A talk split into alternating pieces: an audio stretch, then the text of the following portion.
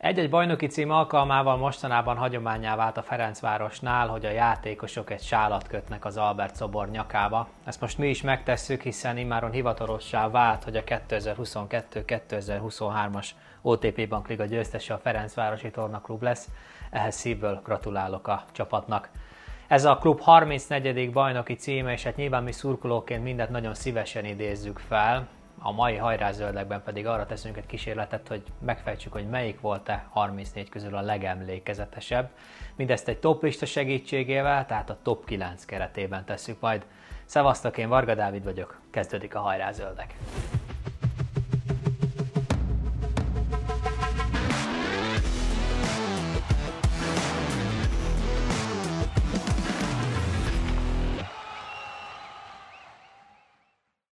A Fradi 9 legemlékezetesebb bajnoki címéről lesz tehát szó a mai adásunkban, és ahogy mindig, úgy most is a top listánk a nézői szavazatok és két szakértő véleménye alapján állt össze. Nagyon szépen köszönöm a szavazataitokat, és a top 9 újkori történetében először köszönhetek két történészt velem szemben. Itt van velünk Huber Sebastian, az ülői 129 pontú szerkesztője. Szia Sebastian! Sziasztok, üdvözlöm a nézőket! Mellette pedig először itt az új top 9-ben Dénes Tamás, futballtörténész. Hello Tamás! Tisztelettel köszöntöm a nézőket, és köszönöm a meghívást. Nagyon szépen köszönöm, hogy itt vagy. Mielőtt belevágnánk, hadd ragadjam meg az alkalmat, hogy megköszönjem nektek azoknak, akik eddig támogattak minket a Danablin vagy a Paypalon. Hosszú távon a hajrázöldek az ilyen mikroadományok nélkül nem fog tudni működni, úgyhogy tényleg örök hála nektek. A két urat ma például Farkas Iza hívta meg az italra, úgyhogy köszönjük szépen Iza, nektek pedig egészségetekre. Készcsukunk. Na, hát összesen négy magyar csapatnál lenne módunk arra, hogy top 9-es listát állítsunk fel ugye a bajnoki címek tekintetében. A Ferencvárosnál immáron 34-ből válogathattunk.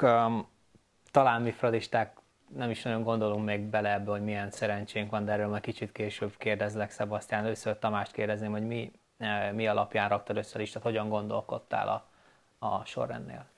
Egy kicsit meglepődtem, amikor elkezdtem összeállítani a sorrendet, mert fölírtam bizonyos sarokpontokat magamnak, amelyeket én úgy gondoltam, hogy evidens belevenni. És majdnem 9 jött ki rögtön, tehát ha kicsit bővebben veszem, akkor 10-11. Nyilván arra is gondoltam, hogy bizonyos sorozatokból nem kell feltétlenül mindegyik bajnokcsapatot belevenni, és hát akkor majd ezekről inkább, mint korszakokról beszéljünk, akár rögtön a legelső nagy korszakot, hogyha vesszük, amikor Ugye 1909 és 1913 között a mostani az hasonló ötös szériát produkált a Ferencváros. Én úgy gondolom azért, és anélkül, hogy most elébe mennék a, a beszélgetésnek, most is konkrétan beszélnék azokról, hogy mely csapatokat tartom én a legjobbnak a Ferencváros történetében, azért szerintem evidenciák vannak. Tehát induljunk onnan, hogy, hogy mondjuk 100%-nál jobb teljesítményt nehéz nyújtani. Vagy, vagy én sokra értékeltem azokat a korszakos csapatokat, amelyek adott esetben ugye valami egy hosszabb szünet után nyertek bajnoki címet, amelyek emocionálisan nagyon sokat jelentettek a Ferencváros szurkolóinak, és vagy éppen ugye legendás játékosok köré épültek, de hát ezt úgy mondom, ezt az utóbbi mondatomat, hogy szinte mindegyik Ferencváros maga nemében legendás játékosok közé épült. Szóval egy szó mint száz, a, a futballszakmai teljesítmény, az adott korban, a világfutballban elfoglalt helye a csapatnak, és az emóció. Ez a három volt pillérként az én számomra fontos. És lesznek meglepetések, főleg a nézői szavazatokban. Nem árulom el, hogy ki lett nálatok az első, de ugye tudjátok már, hogy az újkori top 9 történetében, akit ti elsőnek megszavaztok, az mindenképp dobogós, és ugyanez igaz egyébként a két szakértőre is, bár náluk nagyobb volt az egyetértés. Az egyik ilyen meglepetés volt számomra egyébként, hogy a nézőknél kimaradt a 2023-as legfrissebb bajnoki cím. Sebastian, nálad mi volt a legnagyobb kimaradó, vagy a legtöbb dilemmát okozó ilyen csapat? Hát, igazából egyetértek a Tamással, hogy, hogy többé-kevés ezeket a korszakos csapatokat föl lehet a Fradinál vázolni, tehát egy-kettő volt, ami, ami esetleg egyáltalán kérdőjel. Nyilván nálam a, a leginkább talán a 63-as volt, amelyik ugye 14 év után egy olyan korban nyert bajnoki címet, ahol azért ez nem volt könnyű, de én bennem is ott volt, hogy hát lesz még abban a korban egy olyan bajnokcsapat, amiről biztos beszélünk. Tehát igazából talán azt a csapatot emelném ki, hogy a listából nekem talán az, az hiányzik leginkább. Meg hát nyilván azok, amiket személyesen átéltem, és, és mindegyik valamilyen szempontból kedves, de hát azok közül is nyilván jó pár kimaradt Amit én még pluszban próbáltam nézni bizonyos szempontból, hogy azért nemzetközi mércével mérve is hol tartott az az adott bajnok csapat, vagy hasonlóan Tamás az, az emocionális töltet is azért sokat tudott számítani. Na hát, hogyha már nemzetközi porond, akkor kezdjük a kilencedik helyezettel, akik egy döntő utáni évadban lettek aranyérmesek, és ugye jelzőt kellene találni azokhoz a bajnok csapatokhoz, akikről beszélni fogunk, akkor itt a kilencedik helyzetnél talán a Csikó csapat jelző az, ami leginkább rájuk ragadt itt a Ferencvárosi berkeken belül. Dalnoki Jenő megfiatalított Ferencvárosáról van szó, és ez is az 1975-76-os bajnok csapatról.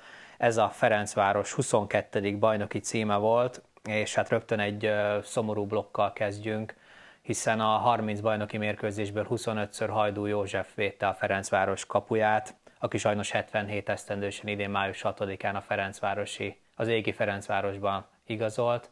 Sebastian néhány mondatban be tudnád nekünk mutatni Józsi bácsit, hiszen ő játékos pályafutása után edzőként is szolgálta a klubot.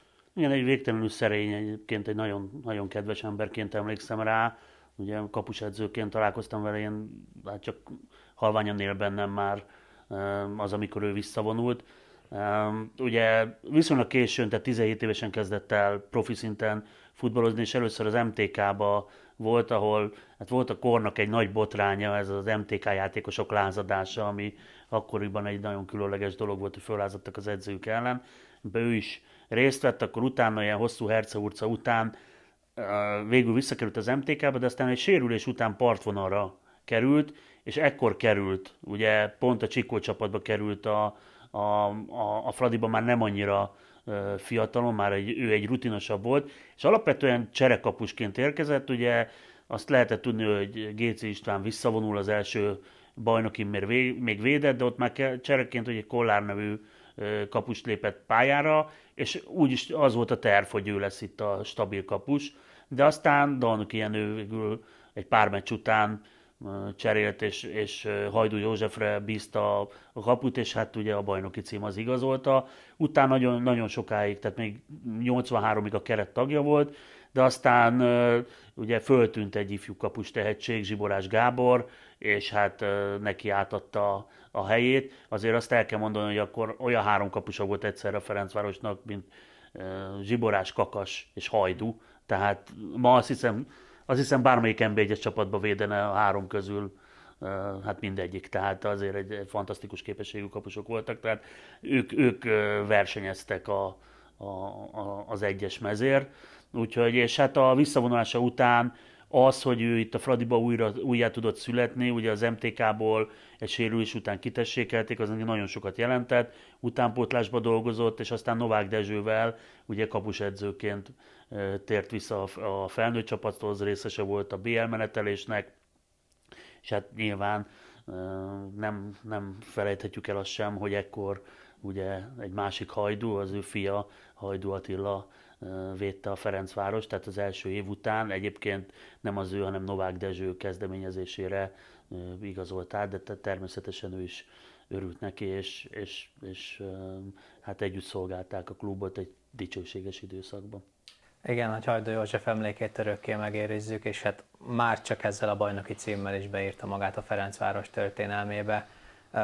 Sok nevet említettünk, hogyha visszatérünk 75-76-hoz, milyen kulcsembereket emelnél még ki, akik ott a sikernek a Hát ugye, ha a Csikó csapatról beszélünk, akkor egyetem, a Nyilasi neve, illetve a Bálint, ezt a Báró neve kívánkozik a, a, az érre. Ugye az előző évi nagy kekmenetelés, amikor többek között a Liverpoolon keresztül kekezüstére még jutott a Ferencváros, az már mutatta, hogy egy milyen erősségű csapat született, és ebben az évben hát kisebb döccenőkkel, de sikerült megnyerni a, a, a, a bajnoki címet, sőt, ugye a, a Magyar Kupát is, az MTK legyőzésével, tehát egy duplázó csapatról beszélünk. Én azt gondolom, hogy e, ilyen előzmények és körülmények között, meg azt, hogy hét újpesti bajnoki cím után jött a Fradi bajnoki cím, mindenképp helyük van a top 9-ben.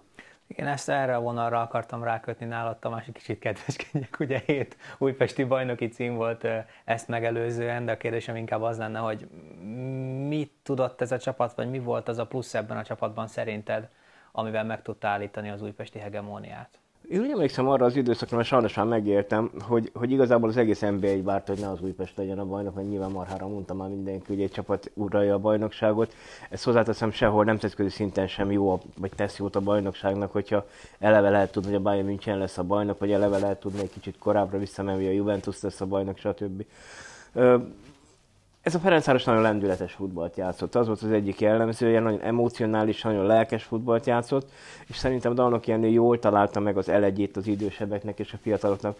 Hajdú József kapcsán akartam én még mondani, hogy azért az jól látszott, hogy a mesternek az volt az egyik ö, alappillére, hogy, hogy egy, egy, a, a fiatal csapat mögött egy rutinos kapus védjen. Ez fontos volt. Hát meg az, hogy, az, hogy Ebedlítő Nyilasik tényleg nagyon jó képességű, varázatos képességű futbolisták játszottak Kellemen Gusztáv volt, azért keveset emlegetjük mondjuk már, de, de abban a korban ő is nagyon erős tagja volt ennek a Ferencvárosnak, nagyon jól futballozott.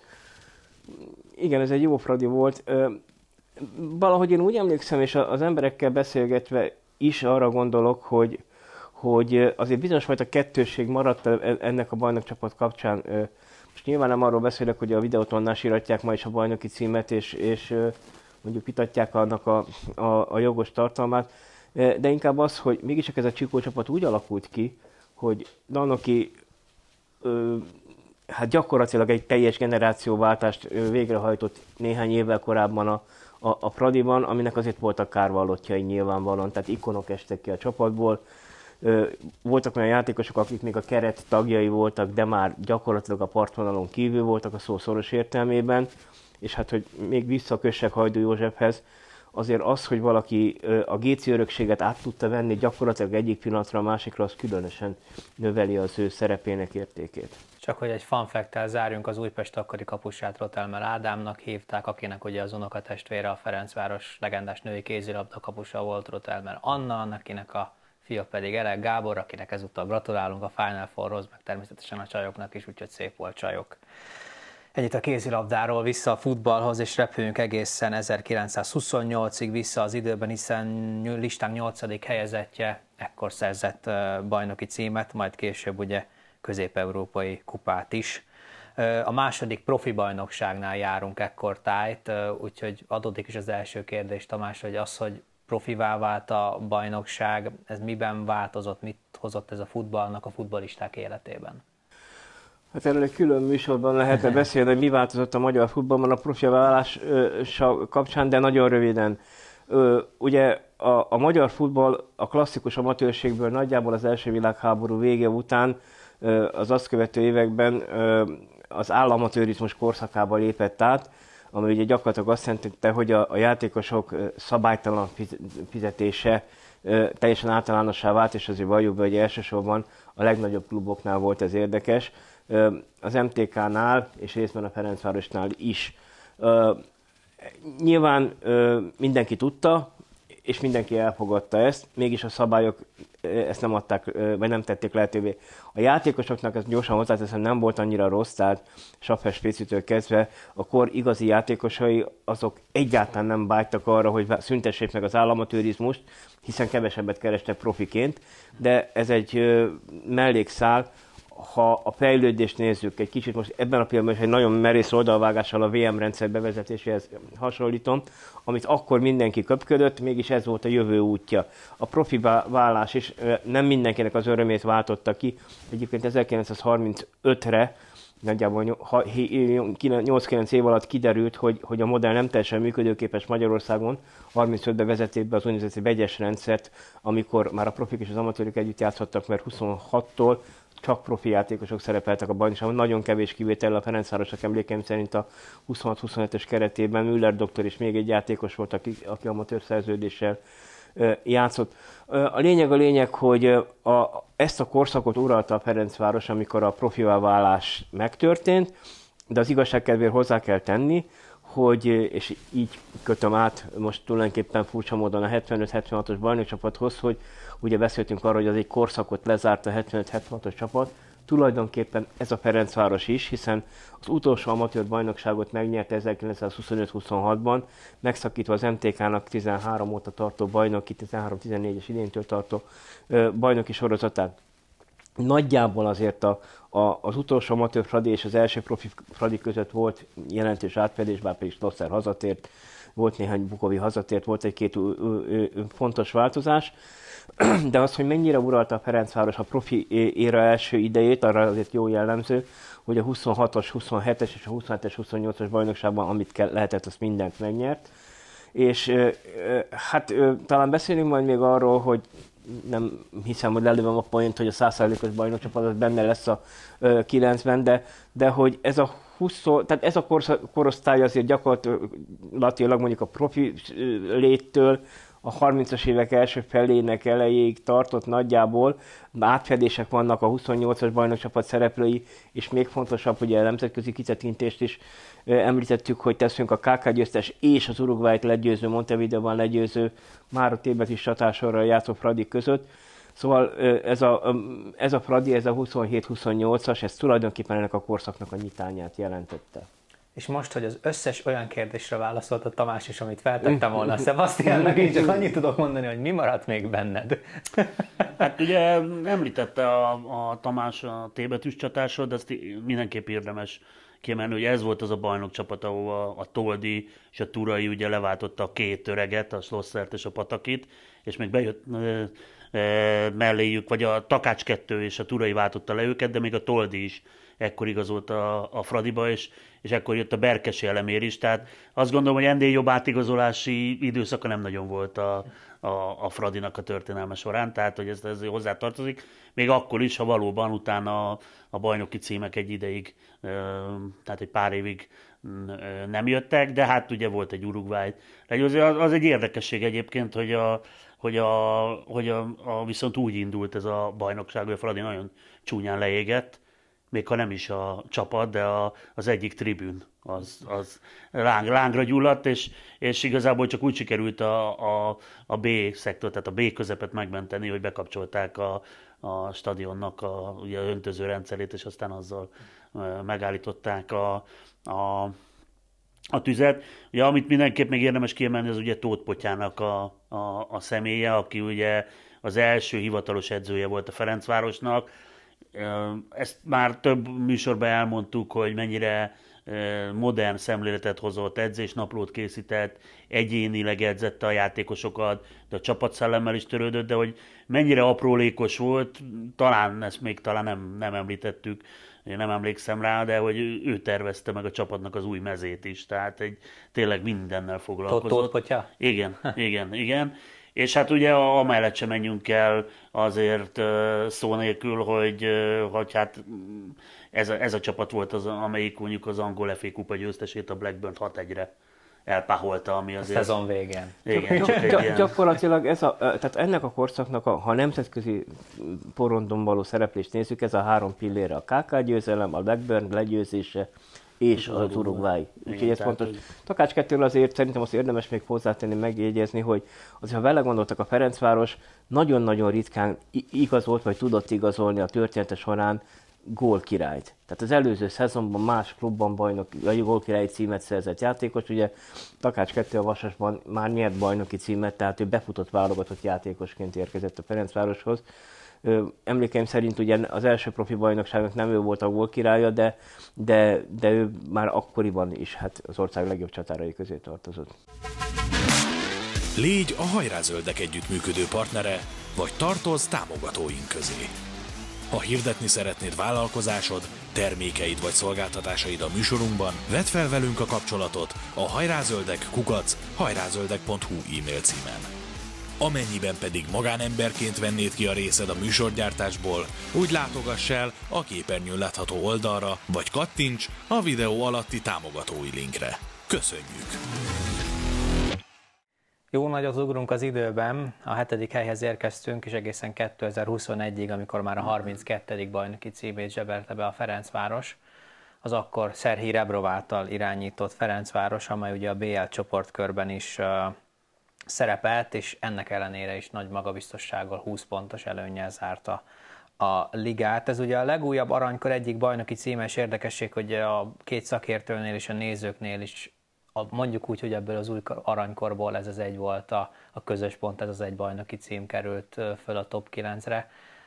szerinted Sebastian ez egyetemen a BL miatt van, vagy, vagy mi lehetett azok? Mm, ezt, ezt nyilván mindenkinél más, de alapvetően azt gondolom, hogy a BL ez egy olyan siker, amit, amit, amit nem kell megmagyarázni. Tehát a, a Celtic pályán nyerni még zártkapus meccsen is, tehát egy meccsel kivívni a továbbjutást, azt a Dinamo Zágrábot hazai pályán megverni, amik előző éppen pont hazai pályán vert meg minket simán. Tehát én azt gondolom, hogy ez, ez, ez, ez megmutatja azt, hogy ez a csapat milyen erős volt. Én még egy dolgot szoktam úgymond kiemelni ennek kapcsán, hogy ez a, hogy, hogy én meggyőződésem, hogy a mostani játékos kerete erősebb a Fradinak, mint a, mint a 2021-es. Az akkori csapatból, akiket mi tényleg ilyen csodálat, csodával néztünk, hogy tényleg milyen eredményt értek el, mm, akik eligazoltak a Fraditól, egy-két kivételtől eltekintve utána már nem tudták ezt a szintet hozni. Ez nálam azt mutatja, hogy tényleg Szergej Rebrov a maximumot kihozta ezekből a játékosokból. Ugye amikor ideigazolt, akkor, vagy idejött, akkor ő egy nagyon-nagyon tudatos építkezésbe kezdett. Ugye nem titok, az egyik játékos mondta azt az első hét után, hogy vagy nagyon nyerni fogunk, vagy nagyon kikapunk, mert annyi minden zsonga fejével, hogy ő életében addig ennyit nem tanult a futballtól, a legapróbb mozgásokig minden. És hát személyesen én, én nagyon erősen kötődöm ez a csapathoz. Ugye megadatott az, hogy amikor nem sokan járhattak meccsre, mert ugye zárt kapu volt, és csak a sajtólelátó volt nyitva, ott, ott ülhettem, és ott az ember egész közel, miközben valahol szörnyű, hogy nincsenek nézők, de sokkal több mindent látsz, meg sokkal több mindent hallasz, mint bármikor máskor, és hát tényleg egészen elképesztő volt az a tudatosság, amivel, amivel Rebro felépítette a csapatát. Én egy nagyon izgulós, meccsen nagyon izgulós ember vagyok, tehát én, de mégis ez volt az, amikor, amikor tényleg így, így valahogy így hátra tudtam dőlni, mert, mert azt mondtam, hogy ez, ez, hát ez biztosan, biztosan megvan. Nyilván Tamás, te sokkal inkább tudsz kívülről érzelem nélkül tekinteni, akár erre a Fradira is, mint mi. Így nézve a Rebrov faktor jelentett valóban ennyit, vagy te ezt hogy látod? Hát nagyon sokat jelentett a Rebrov faktor, szóval én nem, inkább szívesebben beszélek ebben a kontextusban a Ferencváros külföldi edzőriről, de, de szakmailag szerintem kiemelkedett közülük. Gyorsan hozzáteszem, hogy mondtad, hogy emóciók nélkül, vagy érzelmek nélkül nézzük a szezont. Én azt mondom, hogy ha a szám adatokat megnézzük, tehát a statisztikákat, akkor ennek a szezonnak a statisztikája a legjobbak, a szerzett pontszámokat tekintve, a gólkülönbséget tekintve, stb. Azt, azt, hogy a játékos állomány jobb vagy rosszabb, én ezt igazából nem tudom objektíven megítélni.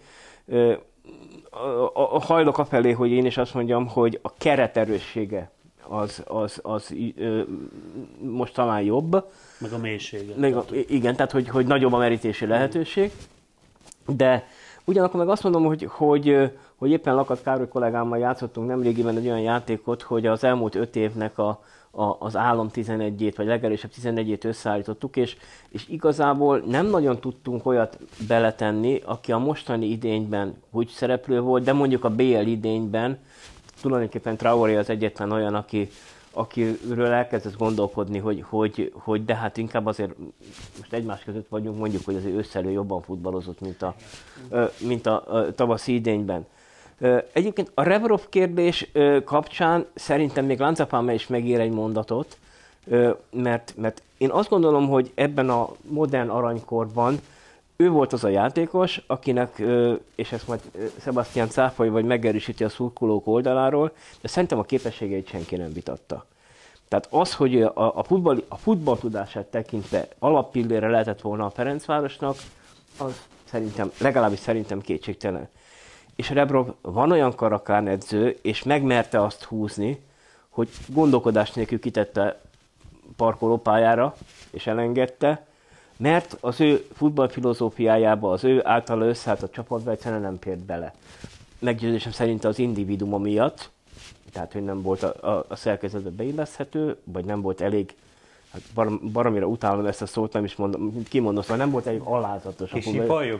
Nem, az, igen, az alázatos szót utálom a futballban, de mindegy, szóval, szóval, hogy nem volt a csapat érdekeinek magát hajlandó alá, alávetni, talán ez így jó. De, de mondom, az ő, és, és az én számomra még ez is emeli a Rebrovi nagyságot.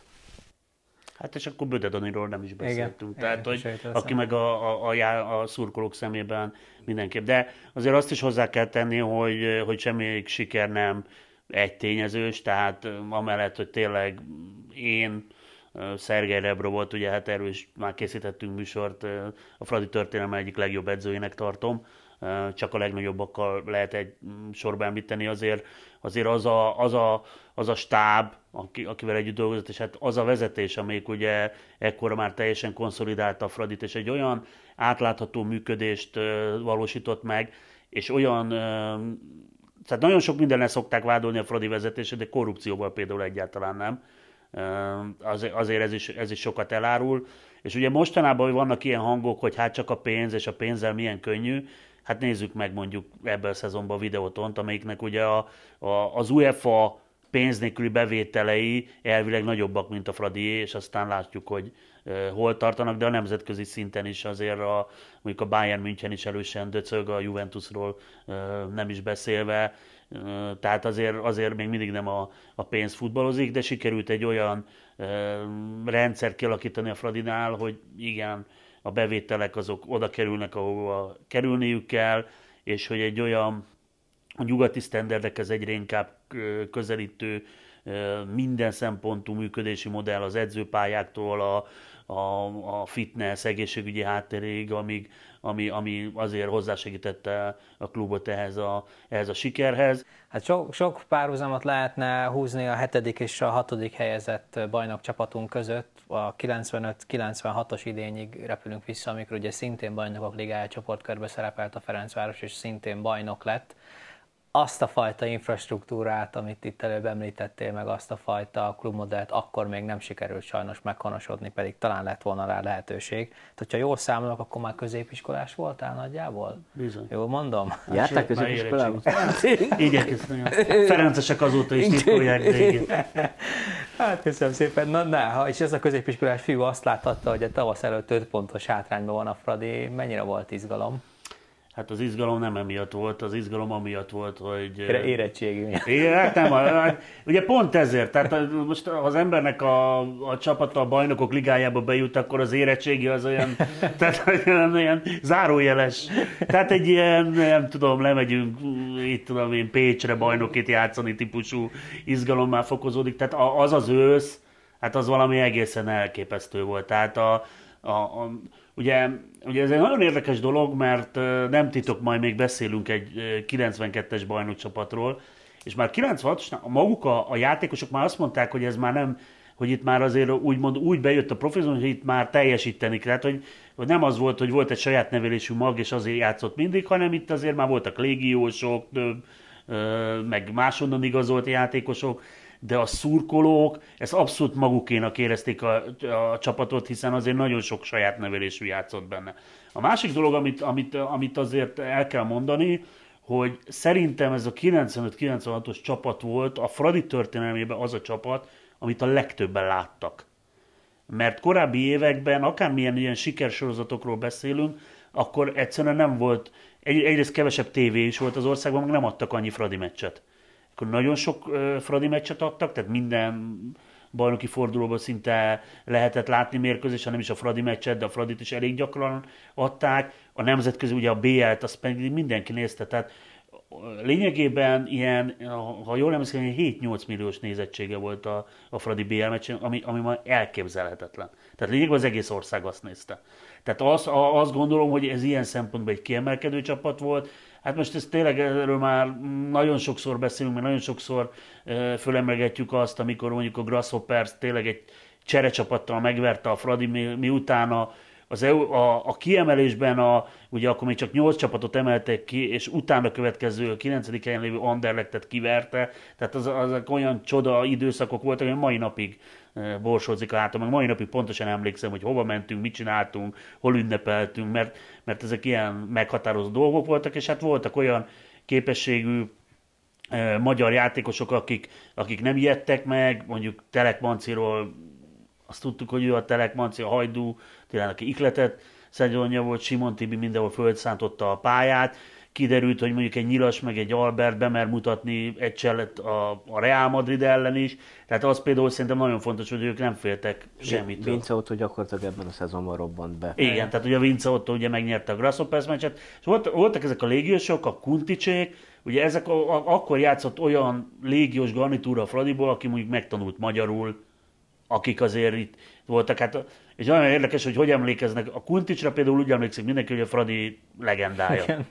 Egy szezont volt a Fradiba, az Orán, és egyébként nem rugott sok gólt. Azt hiszem, hogy a 20 körül van talán valami ilyesmi. Tehát nem Tehát, de, bajnoki, de, de viszont fontosakat. De, de csak, csak fontos gólokat rúgott. Gólt rúgott a Dózsa ellen, gólt rúgott az Anderlecht ellen, eldöntötte úgymond a bajnoki címet a BVSC ellen, tehát hogy, hogy tényleg, csak amikor kellett, ő csak akkor, akkor jelentkezett úgymond góllal, tehát hogy tényleg egy ilyen, ilyen szempontból tényleg hát mindenki emlékszik erre a csapatra, és az akkori körülmények között, az akkori ilyen magyar kapitalizmus között, hát azért az, hogy, az, hogy ez, hova tűnt ez a pénz, meg miért nem sikerült valósítani, hát ugye ma már elképzelhetetlen, de hát akkor egyből kivetettek rá valami külön adót, és az a pénz egy részét egyből elvitte, szóval olyan dolgok voltak, ami hát azért eléggé hajmeresztő, még mai szemben nézve is. Nekem van egy, egy, egy talán mondhatom, egy más szempontom ehhez a csapathoz. Én a, a 80-as évek végén kezdtem újságíróként dolgozni, és nekem a szakterületem a, a nemzetközi labdarúgás volt. Arról is írtam az első könyveimet. Bizonyos szempontból a nemzetközi ö, futballon keresztül láttam, vagy néztem a magyar labdarúgást. És ilyen szempontból ennek a 95-ös őszi Ferencvárosnak revelatív ereje volt. Megmondom miért. Egy gondolat erejéig Sebastian már utalt rá. Először is, akkor az a furcsa helyzet volt, hogy a, a, a klubcsapatok bizonyos aspektusból lényegesen felülmúlták a válogatottat, amelyik ért a 90-es évek elején egy-egy részsikert el, az olaszokkal EB selejtezőn játszott döntetlen itthon, de ezek nagyon részsikerek voltak.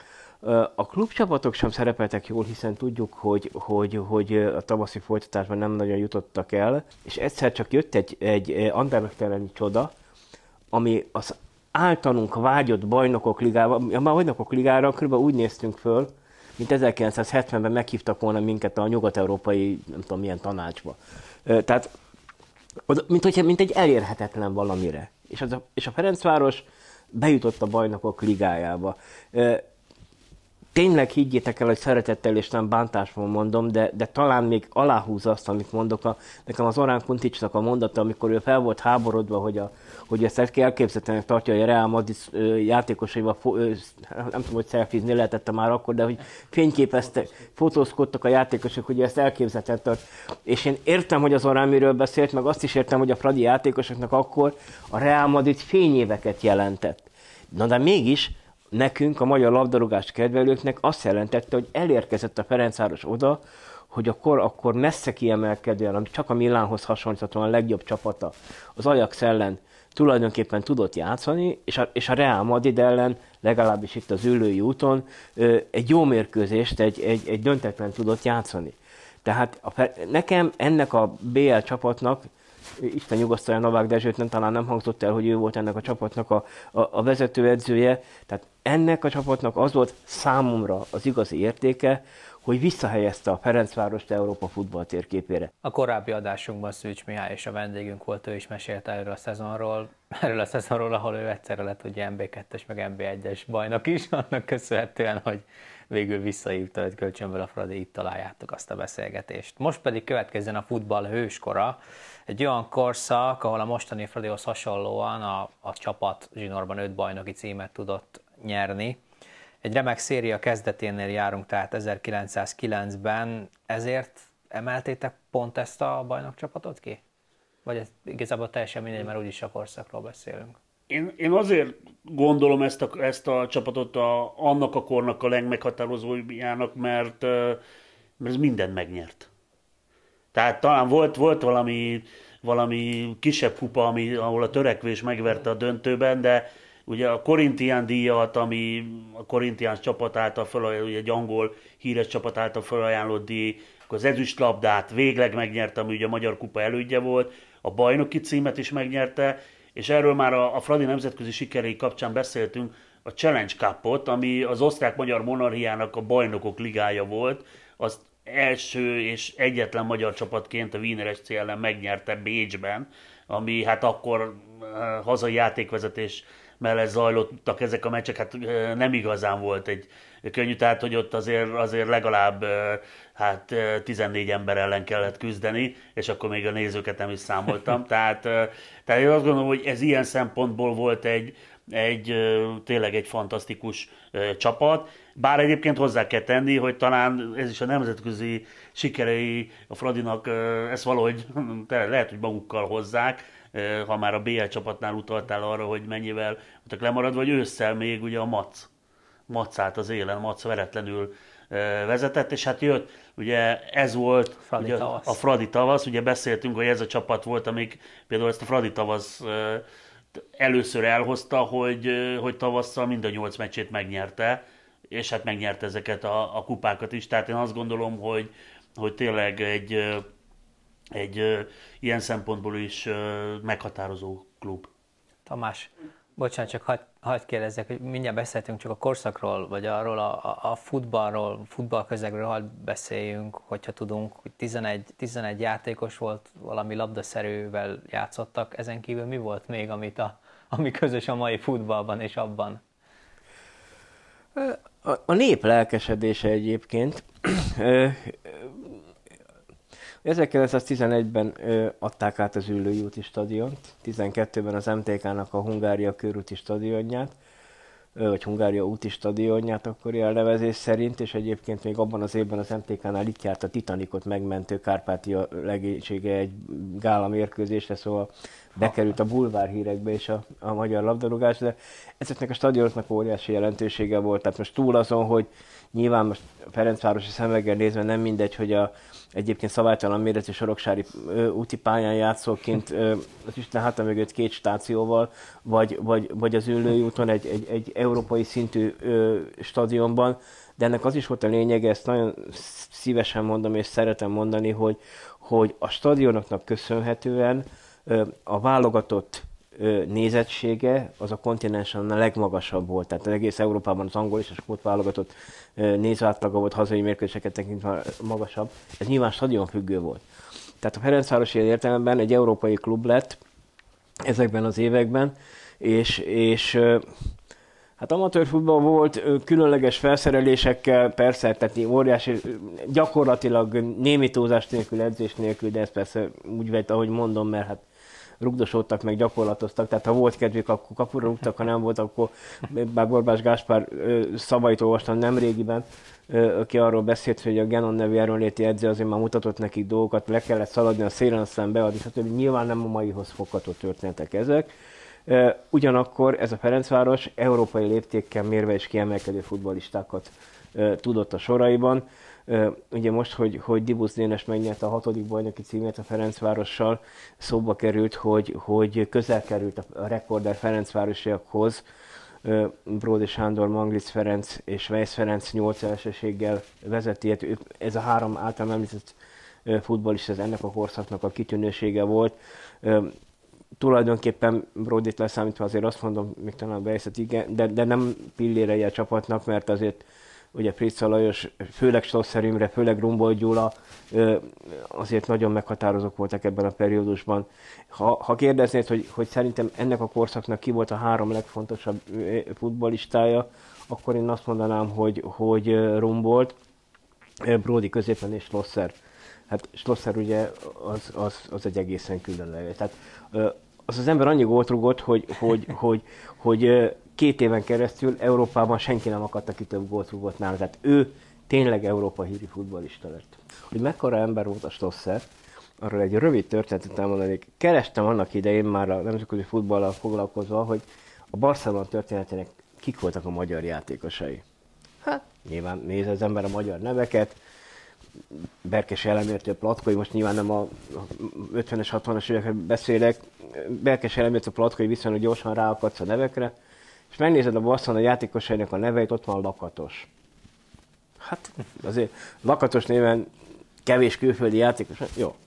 Elkezdtem nyomozni, ez nem most volt, hanem 30 évvel ezelőtt, ki a bánat ez a lakatos? Na most kérem szépen, ez a lakatos, ez egy echte spanyol ember, még úgy emlékszem, hogy baszkis, de, de echte spanyol ember, spanyol állampolgárságú ember, aki azért vette föl a lakatos nevet, mert a Ferencváros túráján meglátta játszani a Schlossert. Ugye a magyarosítási hullám miatt Schlosser Imre lakatos néven szerepelt, és olyan hatással volt a, a, a Schlosser a spanyolokra, hogy az ember olyan, mint, mint később a bolíviáknál Ervin Platini Sánchez, vagy nem merem mondani, hogy volt Stalin nevű futballista, és a bolíviáknak felvett név alapján, de, de mindegy, szóval a Barcelona történetben, akit érdekel, nézen utána, van egy lakatos nevű ember, aki Schlosser Imréről vette fel a nevét. Óriási, óriási.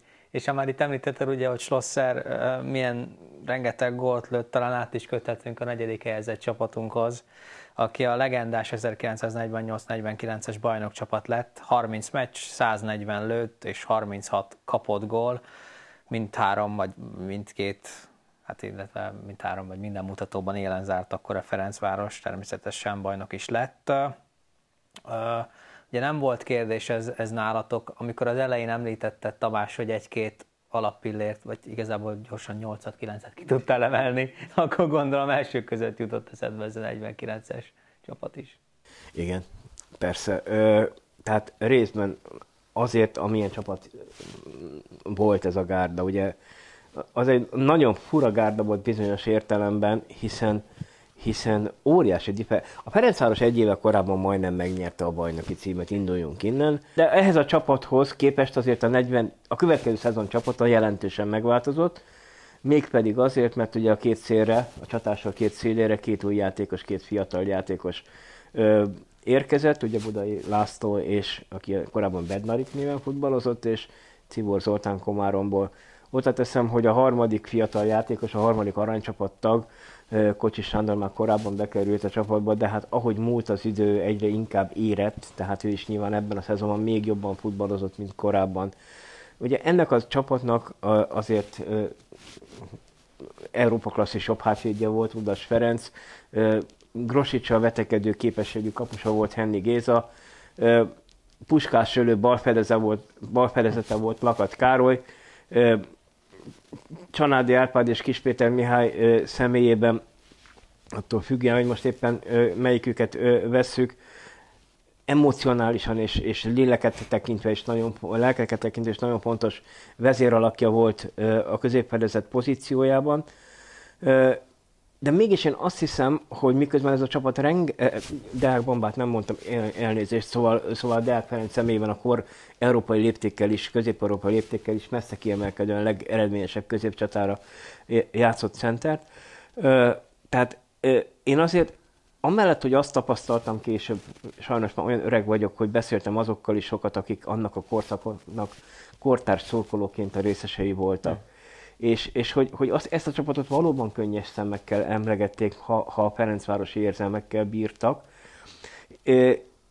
És én úgy próbáltam később megfejteni, hogy, hogy ennek valószínűleg két oka van. Részben a, a, a csapatnak a teljesítménye, a csapat futballtudása. Ugye mégis az, azért a második világháború után ez a csapat nyert először Ferencvárosként bajnokságot. Már volt egy érezhető ellenszél, ami aztán ugye egy olyan fenyegetettségbe torkolott, hogy, hogy bár mindig Ferencről sok rosszat el tudok mondani a történelemmel foglalkozóként, talán holnap este tudnám sorolni az ő negatívumait, de mégiscsak ő mentette meg a Ferencvárost attól, hogy, hogy mérkőzéseket kelljen feladnia, hogy egyáltalán hosszú időre bezárják az ülői pályát. Ezt csak, ezt csak azért mondom, mert létezett egy ellen, ellenszél a Ferencváros számára, és mégiscsak ez a csapat volt az, amelyet szétszettek. Tehát tehát ez a csapat volt az, amely, amelyiknek szerint, én szerintem azt hiszem, de ezzel lehet vitatkozni, hogy az emlékét még fényesítette az a tény, hogy aztán szétszették, és a, az az igazságtalanság, ami, ami történt ilyen értelemben a, a kulcsjátékosokkal, szoktuk volt mondani, hát minden Ferencvárosi szurkolónak a könyökén jön már ki, de azért én csak elmondom, ugye, hogy, hogy Budai Lászlót, Cibor Zoltánt és Kocsis Sándort ugye nem együtt, mert Buda és Kocsis ment együtt a, a, a Honvédba, aztán Tibor a Csepelen keresztül ment 53 elején a Honvédba szintén, de hát Henning Géza és Deák Ferenc is eltávozott a Ferencvárosba, mindketten a Budapesti Dózsa tagjai lettek. Szóval szétszették ezt a csapatot gyakorlatilag. Noha ez a csapat, független attól, hogy igazságosan hozzá kell tegyem, hogy nem tudta megvédeni a bajnoki címét, mert gyakorlatilag ugyanazzal a gárdával már édoszként befejezve a szezont második lett, és én a Honvéd mentségére egyébként ezt mindig el szoktam mondani, hogy az, a Honvéd az első bajnoki címét még nem az, a, a megerősítés vagy az új játékosokkal, hanem, meg, hanem megnyerte a 49-50-es szezont. De mégiscsak ezt a Fradit szétszették, és, és ez szerintem még tovább ö, fényezte a Nimbusát, hogyha ez nem két zavar. Itt már láttam, hogy reagáltál gondolatokban nyugodtan. Hát igen, tehát hogy, hogy persze, tehát a Honvéd az első bajnoki címét még nem a tőrünk elrabolt játékosokkal szerezte, de hát azért mégiscsak egy olyan légkörbe. Tehát, hogy azért, azért ugye Tamás utalta a történelmi kontextusra, hogy ezt konkrétan idehozzuk, ugye volt egy őszi vasas meccs, ahol hát ugye nagyon simán nyert a Fradi, 6-2-re, ugye a 48-49-es szezonban, és a, hát viszont a lelátón el nem e, ítélhető módon, hát a Vasas elleni győzelmet a kommunisták felett alatt győzelemnek apostrofálták, és ezek után történt az, hogy, hogy a Fradit nem csak azzal fenyegették meg, hogy bezárják az ülőti pályát, hanem hogy kizárják, hanem, hogy kizárják vagy hogy fel, felfüggesztik azt igen, és hogy a következő pár meccset játék nélkül hm. a, az ellenfélnek adják. És az, hogy, hogy mekkora volt Bocsánat, a siker... ez 48-42-es szezon. Igen, erre utaltam, a Münich, Münich kapcsán erre utaltam. A Münich, de, de ennek ellenére azért, és ez mutatja, hogy mekkora volt a, a, a, a, a siker, hogy a 15 meccsből ugye össze tizet idegen pályán kellett a Fradinak játszani. Tehát nem, nem az volt, hogy felfel, hanem ugye egy jó pár meccsre betiltották a Fradi pályát, és ennek ellenére 15-ből 14-et megnyert a, a, a, a Fradi. Az is hozzátartozik ehhez, hogy, a, hogy mondjuk ez a fiatalitás, ami olyan áldozatokkal járt, mint Sárosi György, aki ugye az előző bajnokságban még játszott, és, de aztán ugye ott már elment Olaszországba, de hogy a, a Kocsis, a Cibor és a Budai olyan szinten adtak egy lendületet a csapatnak, egy, egy frissességet, hogy mondjuk az első tíz meccsen, ha csak a második félidőket nézzük, akkor a Fradi nem kapott gólt a második félidőben, és rugott 34-et. Tehát 34 nullás gólaránya van az első 10 meccs második fél idejének, tehát ez, ez már azért megalapozta a, a, a bajnoki címet. Számomra nagy meglepetésre, de a ti szavazataitoknál az első helyen végzett, az 1991-92-es bajnokcsapat, emiatt automatikusan dobogóra is került ez a bajnokcsapat. Pintér és Fischer ugye eligazolt az első 12 bajnokival, mindössze hármat nyert meg a csapat. Sebastian, hát hogy lett ebből bajnoki cím? Hát ugye jöttek a fiatalok, ugye, ahogy szokás mondani, meg aztán még két öreg, tehát hogy ez talán így lehet összefoglalni. Ugye legutóbb a vereség sorozatokról beszéltünk, és ugye ez a 90-91-es csapat, ami 5-0-al indított a Dózsa ellen, ugye hát tavasszal belefutott egy 9 meccses nyeretlenségi sorozatba, ami után ugye a kupa győzelem megvolt, de mégis az a csapat, az látszott, hogy nem alkalmas arra, amit a, amit a nyíl szeretne. Ebben kicsit már ilyen megfáradt emberek voltak. Ilyen, meg akik így az életmódjuk alapján sem feltétlenül a nyugati profizmust követték. És aztán hát én emlékszem, tehát akkor ugye már akkor is ugye kijártam edzésekre, és, és hát ott az öregek azok így a biztos bemaradást célozták meg következő szezonra, tehát hogy ott, ott nem nagyon bíztak abba, hogy itt bajnoki cím lesz. Tavasszal érdekes, vagy ősszel érdekes volt, mert a nemzetközi kupában ugye nagyon jól szerepeltünk, tehát a, a Levski oda-vissza megverése, azt azért illik kontextusba helyezni, hogy, hogy a Levskinek több tagja, ugye tagja volt annak a bolgár válogatottnak, ami ugye rá pár évre, 94-ben a legjobb négy közé jutott a világbajnokságon, tehát azért az egy igen erős csapat volt, őket oda-visszavertük, és hát ugye a Werder Bremen ellen Ugye mind a két meccsen kikaptunk, de mind a két meccsen pariba voltunk, mind a két meccsen csak egy góllal kaptunk, és az a Werder Bremen meg, megnyerte a keket. És ugye a Lipcsei Péter, aki ugye összesen négy meccsen játszott, a, a kekbe a kek gól király lett, tehát mert hat gólt rugott, tehát, tehát azt gondolom, hogy ilyen szempontból volt egy ilyen ősz, és aztán, hogy ki volt, ugye föltűnt a Telekmanci, a Pintér helyett, ugye a Lipcsei már korábban is ott volt, az Albert Flóri megkapta azt a lehetőséget, meg megkapta azt a bizalmat, amit korábban nem, és, és megmutatta, hogy, hogy tényleg azért örökölt igen rendesen az apja gényeiből.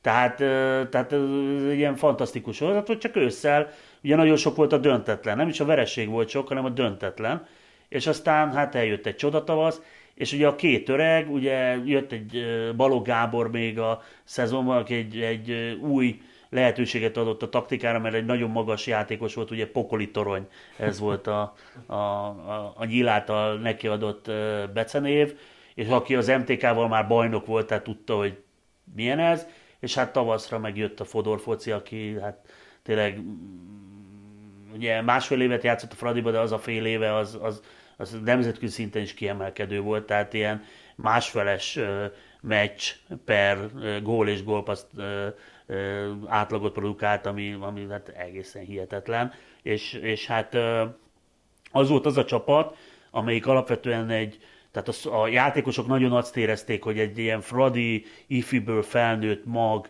tehát egy igazi Fradi családi csapat, és hát a rendszerváltásnak egy ilyen emblematikus pillanata is volt, hogy 11 év után újra bajnok lehetett a Fradi, és az egész ország. Tehát a, ma már ezt, ez nem elképzelhető, ami akkor volt, hogy már csak azért sem, mert a, a klubbuszok a, izén jönnek haza nyilván az autópályán, akkor a falvakon keresztül jöttek haza Diósgyőrbe, és ilyen öreg nénikék zöld-fehér szatyorral e, integettek a, a csapatnak, tehát szóval egészen fantasztikus, és hát azok a, az a fiesta, ami az, aznap este volt az ülőtón, meg a pálya, meg az, azok a meccsek, az, az tényleg egészen, egészen fantasztikus. Tehát eh, ennek nyilván az emocionális értéke az, ami, ami idemelte, idemelte ezt, a, ezt, a, ezt a sikert. Tamás, most ismét, mint újságíró, ismét, mint picit eh, kívülről rátekintve a helyzetre, hogy visszaemlékszel, hogy akkor tájt, eh, hogy próbáltátok megfejteni, hogy mi ennek a Fradinak a titka, hogy a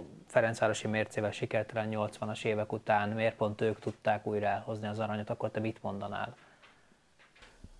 Nyilasi Tibornak a szerepe feltétlenül kardinális volt. Ugye ő gyakorlatilag, még azt is, ugye 55-ös születésű Tibor, és 35 évesen lett a Ferencváros vezetőedzője itt mondta Szűcs Mihály, hogy nem tudta az edzésen leszerelni egyszerűen, és borzasztóan bosszantotta. Mondjuk ezt talán adáson kívül mondta, hogy bocs Misi, de igen. Tehát, tehát ő gyakorlatilag edzői tapasztalatok nélkül jött, és, és, és az első meccse 5 óra nyert Újpesten, már az első bajnoki mérkőzésen. De valahogy az első szezon, ahogy Sebastian végigmondta, mégis csak a kupa sikerrel ért véget, és hát azért második szezonban rögtön bajnok lett a csapat. Nagyon fontos volt a fiataloknak a berobbanása, ez nyilvánvaló, hát főleg Lipcsei Péternek a szerepe, aki most nem akarok butaságot mondani, de talán meg is kapta az évjátékos a címet az mls ebben a periódusban.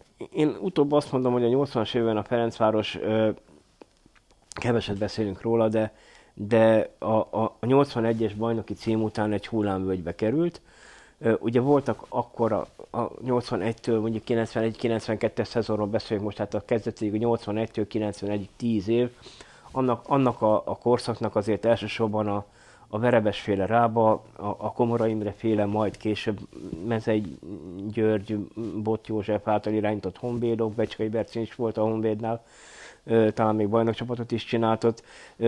Az MTK-val nyert Verebes József az Újpest nyert 95 bajnoki címet Varga Istvánnal, aki nemrégiben volt 75 éves Isten éltesse, és aztán a bajnoki cím ellenére elküldték Újpestről, szóval ö, nem a Ferencváros volt annak a korszaknak igazából a meghatározó szereplője. Nyilván ebből mi következett? Az, hogy az ország legnépesebb szurkolótábora az rendkívüli módon kiéhezett volt arra, hogy a Fradi újra a csúcsra kerüljön. Én azt gondolom, hogy, hogy Nyilasi Tibornak a személye ezt ígérte a Ferencvárosi szurkolóknak. Hogyha valaki akkor, és függetlenül a Ferencvárosi szurkoló, gondolom én, az nem foglalkozott azzal, hogy a Tibinek van-e edzői múltja, vagy jön a Tibi haza Ausztriából, aki egyébként játszhatna is még ö, nagyon bőven a kora alapján, és csodát tesz a Ferencvárossal. És hát tulajdonképpen az első év az úgy kezdődött, hogy csodát tesz a Ferencvárossal, de az első év az nem volt százszázalékos, de aztán ez a 91-92-es bajnoki év, főleg a tavasszal, az igen, az, az, az, az különleges lett. Azt gondoltátok, hogy a 60-as évekről nem lesz majd szó itt a mai top 9-ben? Hát dehogy nem, mert nyilván az a korszak, ami ugye négy bajnoki aranyat, meg egy aranylabdát is hozott, ez nem maradhat ki természetesen ebből a top 9-ből sem és hát ebből a négy bajnoki aranyból az 1967-est emeltétek ki ekkor volt csúcson a Fradi egyértelműen, Tamás? Ebben a periódusban szerintem igen. Ö, ugye említett, hogy négy bajnoki címet nyert a Ferencváros, mind a kettőnek meg, vagy mindegyiknek meg volt maga szépsége. Ugye a 62-63-as lezárt egy nagyon rossz negatív szériát, ami ugye a 48-49-es bajnoki címtől kezdődött. Én utóbb azt mondom, hogy bár a belső hármas már akkor erős volt Orosz Pállal, Albert Floriánnal és Rákosi Gyulával, Novák Dezsőben, Mátrai Sándorral erős játékosok játszottak a védelemben, de a játékos állomány azért nem volt hasonlítható vagy fogható a, a 67-eshez főleg. Ugye Lakat Károly visszakerült a Ferencvároshoz, edzőként, vezetőedzőként ugye először, Azért nem mondom, hogy doktor Lakat Károly, mert 68-ban szerezte meg a doktori címet, és történelmietlen lenne a 67-es időszakról ö, doktorozni. A lényeg a lényeg, hogy persze bizonyos szempontból össze kell rakni a 67-es és a 68-as Fradit, ez, ez a játékos állomány tekintve nagyon-nagyon hasonlított, bár, bár ugye azért a 68-asban már Mátrai Sándor nem játszott középhátvédet, és ugye hát Varga Zoli gyakorlatilag a, a, a szeptemberi utolsó bajnoki mérkőzés, tehát a, az olimpián ugye távozott, és hát a, a szezon hajrájában ő már nem futballozott. Ö, én úgy gondolom, hogy a 67-es ö, Fradi volt az igazán ö, csúcson lévő Fradi, ö, minden szempontból. Ö, de hát nehéz különbséget tenni persze. Szükség talán 68-ban játszott a legjobban, akkor volt az olimpia legjobb játékos, a világválogatott lett. 68-ban ö, ö, esett meg az, ami soha egy más magyar klubedzővel nem esett még meg, hogy, hogy, hogy három játékosa játszott a, a világválogatottban. Ö, aranylabdása volt egy magyar klubedzőnek. És mégis azt mondom, hogy ha megnézzük azt, hogy 67-ben a Ferencváros tényleg nagy fölénnyel nyerte meg a bajnok kicímet, 68-ban pedig hát mondjuk éppen, hogy mondjuk így finoman, akkor inkább azt mondom, hogy a kettő közül a 67-es. És hát megint egy olyan korszakról, vagy egy olyan csapatról beszéltünk, ahol, ahol a fradizmus abszolút jelen volt. Hát ugye erre Lakat Karcsi bácsi a garancia volt, és ugye ez nagyon ügyesen tudta ő ezt a, az öltözőbe is behozni, mert ez a ez a minket elnyomnak, amiben nagyon sok igazság volt, de ő ezt, ezt egy ilyen edzői programmá tette. De hát, hogy, hogy, ezért, hogy na, ezek a vasasnak kávonala van, meg és ezzel, ezzel föl tudta tüzelni a játékosokat, e, meg hát azokat is, akik e, ilyen jelentéseket írtak róla, meg ezek főleg azokat, akik ezeket a jelentéseket olvasták és, és eh, ahogy ugye a 49-es csapatnak a sikerébe volt a, a bukás, hogy túl jó volt a Ferencváros, és ezért kellett szétszedni itt is, csak itt ugye annyiban különbözött a Kádár rendszer, a Rákosi rendszert, hogy ilyen belső bomlasztással eh, éltek, tehát azért ugye az is fölmerül, hogy a Vargazoli disszidálását ha akarta volna, a hatalom meg tudta volna akadályozni, annyira nem is feltétlenül akarta, tehát nem volt az baj, hogy a Fradi egyik legjobbja eltávozik feltétlenül de hozzá kell tenni, hogy, hogy az, az is történelmietlen lenne, ha a doktorozás, hogyha csak erről beszélnénk Lakat Karcsi bácsi kapcsán, mert azért azt is el kell mondani, hogy ő egy olyan edzettségi állapotba hozta azt a Ferencvárost, ami, ami tényleg hát a, az első nyolc meccset simán megnyerte. Tehát már ez, és a, akkor beszéljünk, tőlem nem tűnik, hogy mondjam, túlzásnak, ha a vasast, akkori vasast azt mondom, hogy az is egy világverő csapat volt. Nem nagyon gondolták azt, hogy itt a Fradinak esélye van, és ehhez képest ugye az utolsó két meccset vesztette csak el a Fradi, tehát akkor tűnt el a veretlenség, hát most azt, hogy ezt miért vesztette el, azt most hagyjuk, tehát akkor már Fradi bajnok volt, és hát ugye ekkor, ekkor volt az a 3-0-ás Dózsa elleni meccs, ami, ami többek meggyőzése szerint a 45 óta lejátszott, vagy a valaha lejátszott legjobb magyar bajnoki, ahol úgy nyert a Fradi 3 0 hogy a Dózsa se játszott rosszul. Tehát, tehát ez egy egészen fantasztikus dolog volt, és hát még egy dolgot ki kell emelni ebben, hogy az Albertnek, tehát az Albert hátravonása egy, ugye a center pozíció egy kicsit hátravonva, így 27 meccsen csak 28 gólt rugott, így nem ő lett a gólkirály, hanem a Dunai és ezüstcipős, ez a meg annyi gólpasszal tényleg egy fantasztikus sorozatot produkált, és bizony az aranylabda, ugye mivel a, a magyar bajnoksága az egyik legerősebb volt, így az aranylabda azért is került hozzá, mert kiemelkedően a legjobb volt Európa egyik legerősebb bajnokságába, és ugye maga a menetelés egyébként egy kudarccal indult, hiszen az Eintracht Frankfurt ellen játszott az első kvázi tétmeccsét Lakat Károly csapata, és ott csúnyán kikaptak 4-1-re, és kiestek, de ősszel, ugye hát mi egy, egy egész éves bajnokságot játszottunk, de ugyanúgy őszi-tavaszi rendszerbe mentek a nemzetközi kupák, ugye ősszel a, egy román csapatot, a Pitestit, illetve a Zaragozát kiverve, aztán ugye a, a Liverpoolt oda-visszavert a, a Ferencváros, ugye ezt is, hogy elhelyezzük valahol az Enfield Roadon nemzetközi kupa meccset először a Ferencváros nyert, ez a Ferencváros, akkor azt hiszem itt be is fejezhetjük, hogy ez egy milyen erősségű csapat volt. Tehát, ha a 60-as évekről még többet szeretnétek hallani, akkor is nézzétek meg az előző adásunkat, hiszen Rákosi Gyula is vendégünk volt, és vele volt szerencsém tényleg szerencsének nevezhetem, mert nagyon nagy megtiszteltetés volt, hogy elfogadta a meghívásunkat, szóval volt szerencsém beszélgetni vele erről a korszakról természetesen. Hát mi kell ahhoz, hogy egy csapat a top 9 Ferencvárosi bajnok csapataival foglalkozó listájának első helyére kerüljön, százszázalékos bajnoki cím. Nyilván a Tamás is már utalt itt a beszélgetés elején, hogy ennél, ennél többet nem lehet nagyon produkálni, sőt, tehát egyáltalán nem. Azon gondolkodtam, amikor néztem ezt a, ezt a menetelést, meg próbálgattam visszaolvasni, Sebastian, hogyha a mai világban itt tartana egy csapat, hogy mondjuk mit tudom én, már a 15-16. meccsel veretlen, illetve hogy végig csak nyeri, biztos, hogy akkor hype lenne körülötte, hogy, hogy valami becsúszna ott. Mennyire volt ez egy, ez egy nagy dolog, akkor mennyire volt felfokozott a közeg a várakozás? Óriási volt a...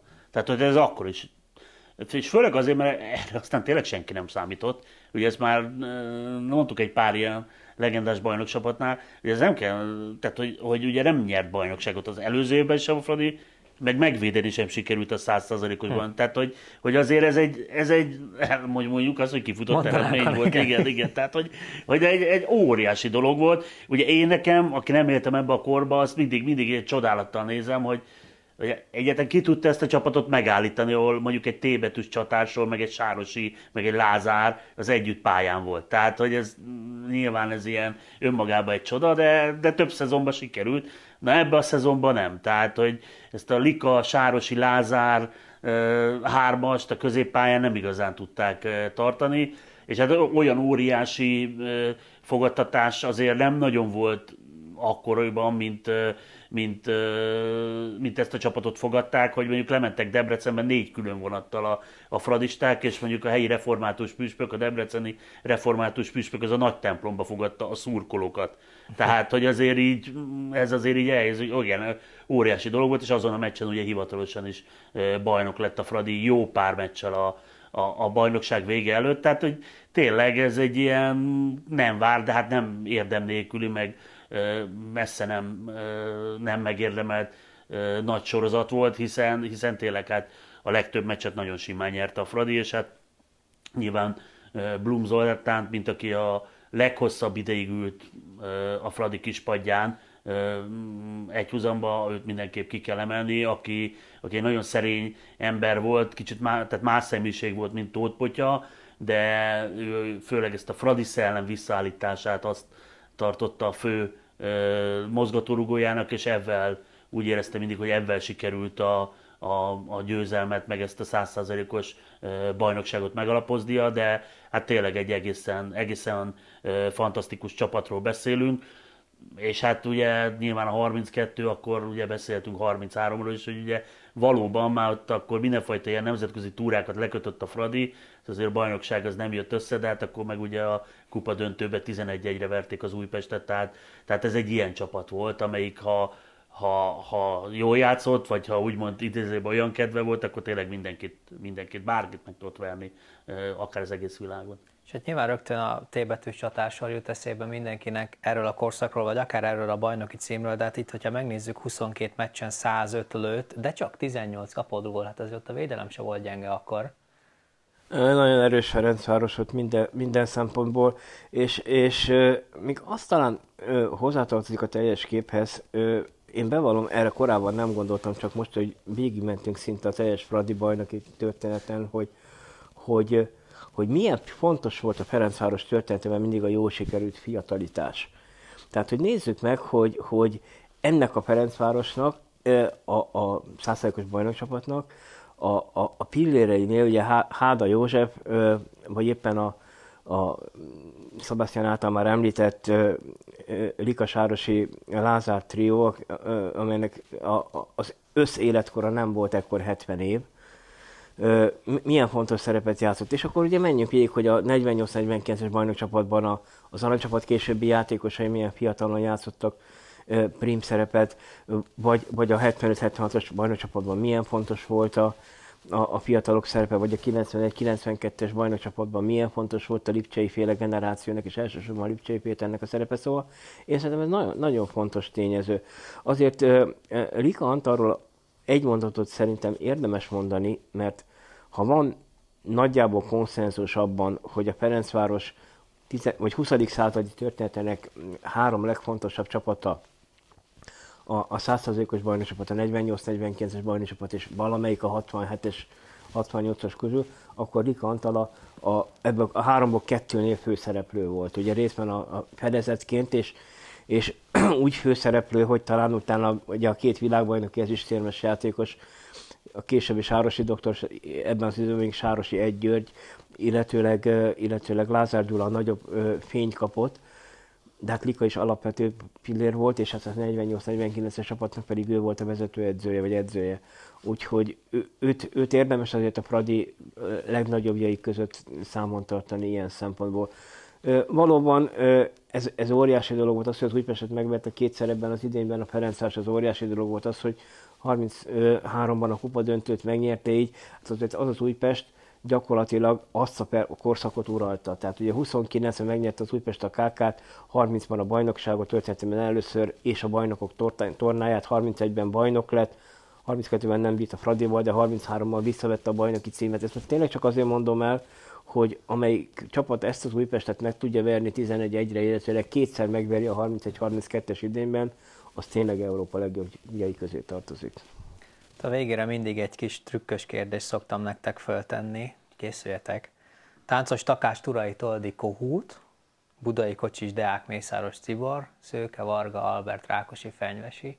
Melyik csatárt sort néztétek meg volna legszívesebben élőben, hogyha most tudnátok utazni az időben, hiszen ugye történészek vagytok, nyilván nagyon szerettek időutazni. Én szeretek időutazni, és én a 30-as évek iránt elfogult vagyok, tehát, tehát valószínűleg azt a csatársot nézném meg, meg talán azért, mert, mert, mert erről a tétbetűs csatársorról lényegesen kevesebb filmet is láthattam, tehát valóban kevesebbet láthattam őket effektíve, mint az Aranycsapat három csillagára épülő Deák Bambával és Mészáros József Eldodó bácsival kiegészült 48-42-es, és hát nem, szó, nem szóval a 60-as évek világklasszisairól. Úgyhogy igen, de ahogy szokták mondani, értem a kérdést, köszönöm a kérdést. Igazából, hogyha azt nézzük, hogy, hogy az akkori világ elitjéhez melyik támadó ötös volt a, a legközelebb, nehéz diszponálni. Én, én még egyszer a, a 31-32-esre szavaznék. Jó, Sebastian? Hát egy olyan szezont végignézem, a Fradi minden meccset megnyer, tehát azt... De egyébként de azért pont, ott is izgulnál. Igen, az biztos. A vége már csak amiatt, hogy meglegyen a százszázalékos sorozat, de nekem, tök, telje, nekem teljesen ugyanaz jutott eszembe, mint talán, hogy őket nem láttam semmilyen formában.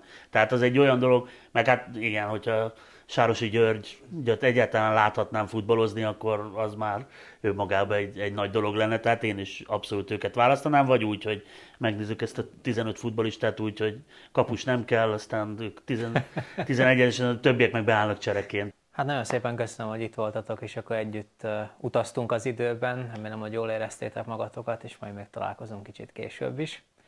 Nektek pedig nagyon szépen köszönöm a figyelmet, kövessetek minket az Instagramon, meg a Facebookon, és akkor ott megtudjátok majd, hogy mikor jön a következő adás. Most talán egy picit nagyobb szünet lesz, megyek nyaralni, meg ide-oda, szóval legyetek türelemmel, mert lesz majd még hajrá zöldek. Szevasztok!